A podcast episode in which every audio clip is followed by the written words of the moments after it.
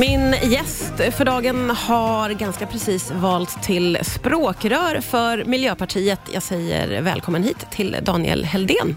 Tackar. Du har namnsdag idag, grattis. Ja, just det. Tack. Nej, men är det ingen som har gratulerat dig idag på dagen här? Jag tror inte det. Jag har inte tänkt på att det är min namnsdag, men det är bra Ja, att du påminner mig. Jag uppmärksammar det. får du se till att bli firad innan dagen är över här. Du, hur har första tiden som språkrör varit för dig? Den har varit eh, spännande. Det har varit massor med intervjuer och diskussioner om saker och ting. Och jag har fått, när man, man byter roll så här, som språkrör eller partiledare, så ska man kunna allt. Ja, Så jag har Kan du allt? lä- ja, ja det, nej, det ska jag inte påstå. Men jag har roat mig med att läsa på om allt Ja. i princip.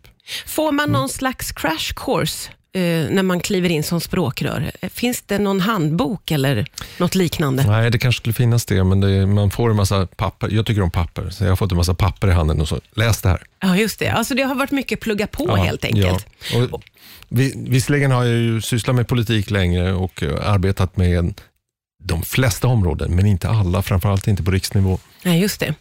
Du, eh, när du tillträdde så eh, hamnade fokus på att det skulle vara lite dålig stämning mellan dig och Märta Stenevi. Vad handlade det om? Ja, för det första så blev det en diskussion om att eh, jag sa att partiet skulle fokusera på eh, klimat och miljöfrågan. Egentligen så handlade det om att vara tydligare, skarpa, lyfta den frågan, eller de två frågorna som är våra kärnfrågor och väljarna verkligen vet att vi är bäst på. Men sen blev det en, en fråga om huruvida vi skulle låta bli att prata om andra frågor. Det var det- aldrig det jag menade egentligen, men det blev mycket i media om det och då uppfattades det som att det fanns en eh, konflikt om det här. Men det gjorde du inte. Nej. Eh, Vad är det som gör att ni två kompletterar varandra som språkrör, skulle du säga? Vi är två olika personligheter och och eh, jag pratar väl någorlunda riksstockholmska och eh, Märta pratar skånska. Det kan komplettera varandra.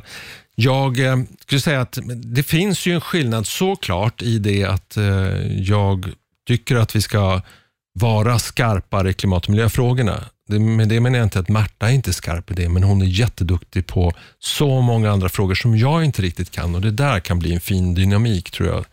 Eller jag känner det redan nu. Mm. Eh, Och vad, vad är hennes liksom, eh, såna hjärtefrågor då, skulle du säga?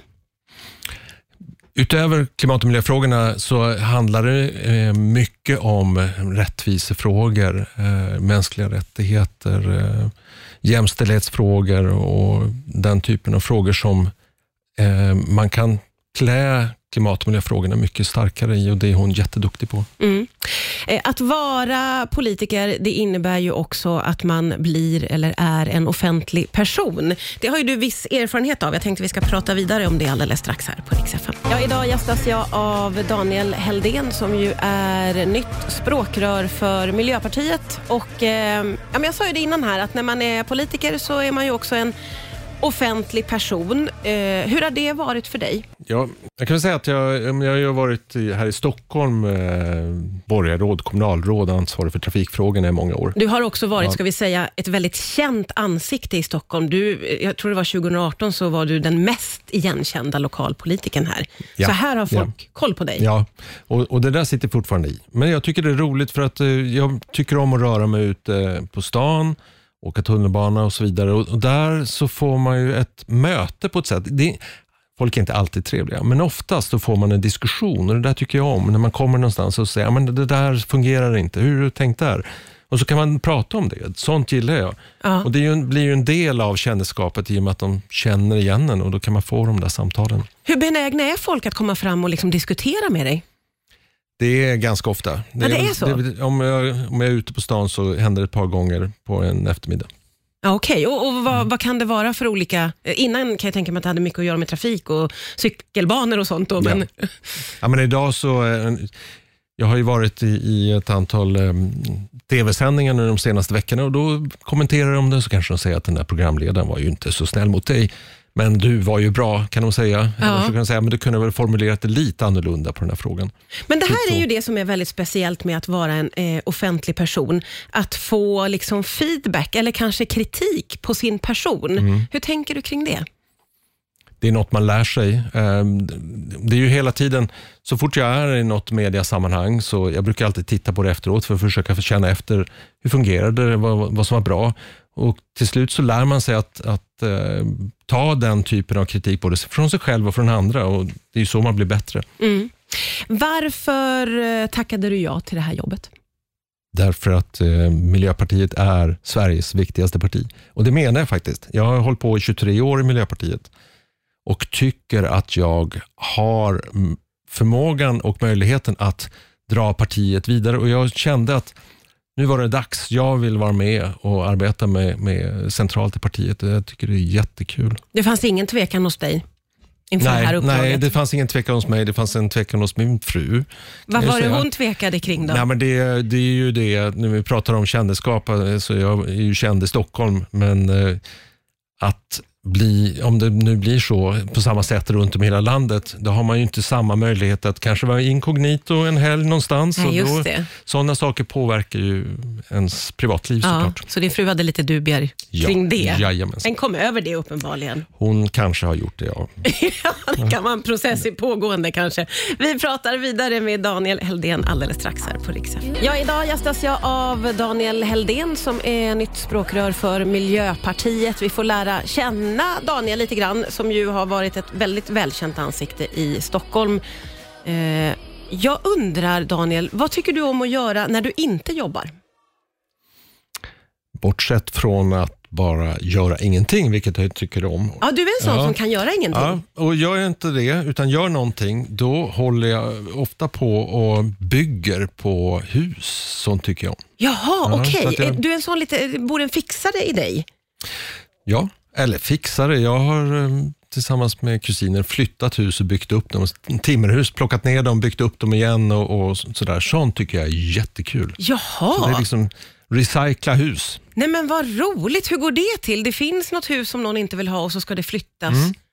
Det senaste som vi gjorde då, det var ett ställe de skulle bygga ett nytt. De tyckte inte om den där stugan som stod där som var från tidigt 1800-tal och då fick vi den. Måste vi plocka ner den. Ja. Så markar upp den och så bygger man upp det. Det är liksom som plockepinn ungefär med timmerhus. Oj! Och så ser man till att det ser ut som det gjorde förr. Och så håller man på med det i flera år och bara njuter av att få arbeta med händerna när man annars bara använder penna och papper och pratar. Ja, det förstår jag att det måste vara jättehärligt. Men är, är det här någonting som du har lärt dig i processen då? Eller hur, hur har du fått den kunskapen? Både processen och eh, jag har vuxit upp, vi har ett landställe där vi har gamla hus där jag har fått lära mig det här. Sen ett tag, jag har ju, har ju doktorerat i statsvetenskap, men ett tag så var jag lite trött på det, så du utbildade mig till, jag ska inte säga att jag är byggnadsantikvarie, men jag har en antikvarisk utbildning för hus Därför Jaha. jag tyckte det var så kul. Så man måste lära sig olika saker här i livet. Ja, ja, ja verkligen. Ja, vad roligt att höra om det intresset. Hur ser en perfekt lördag ut för dig då? Eh, den, eh, då så är jag nog på landet, tar en lång promenad med min fru, ser till att eh, katten har det bra och eldar lite i brasan tror jag. Mm. har du någon paradrätt som du bjuder frun på ibland? Eller hur är du i köket?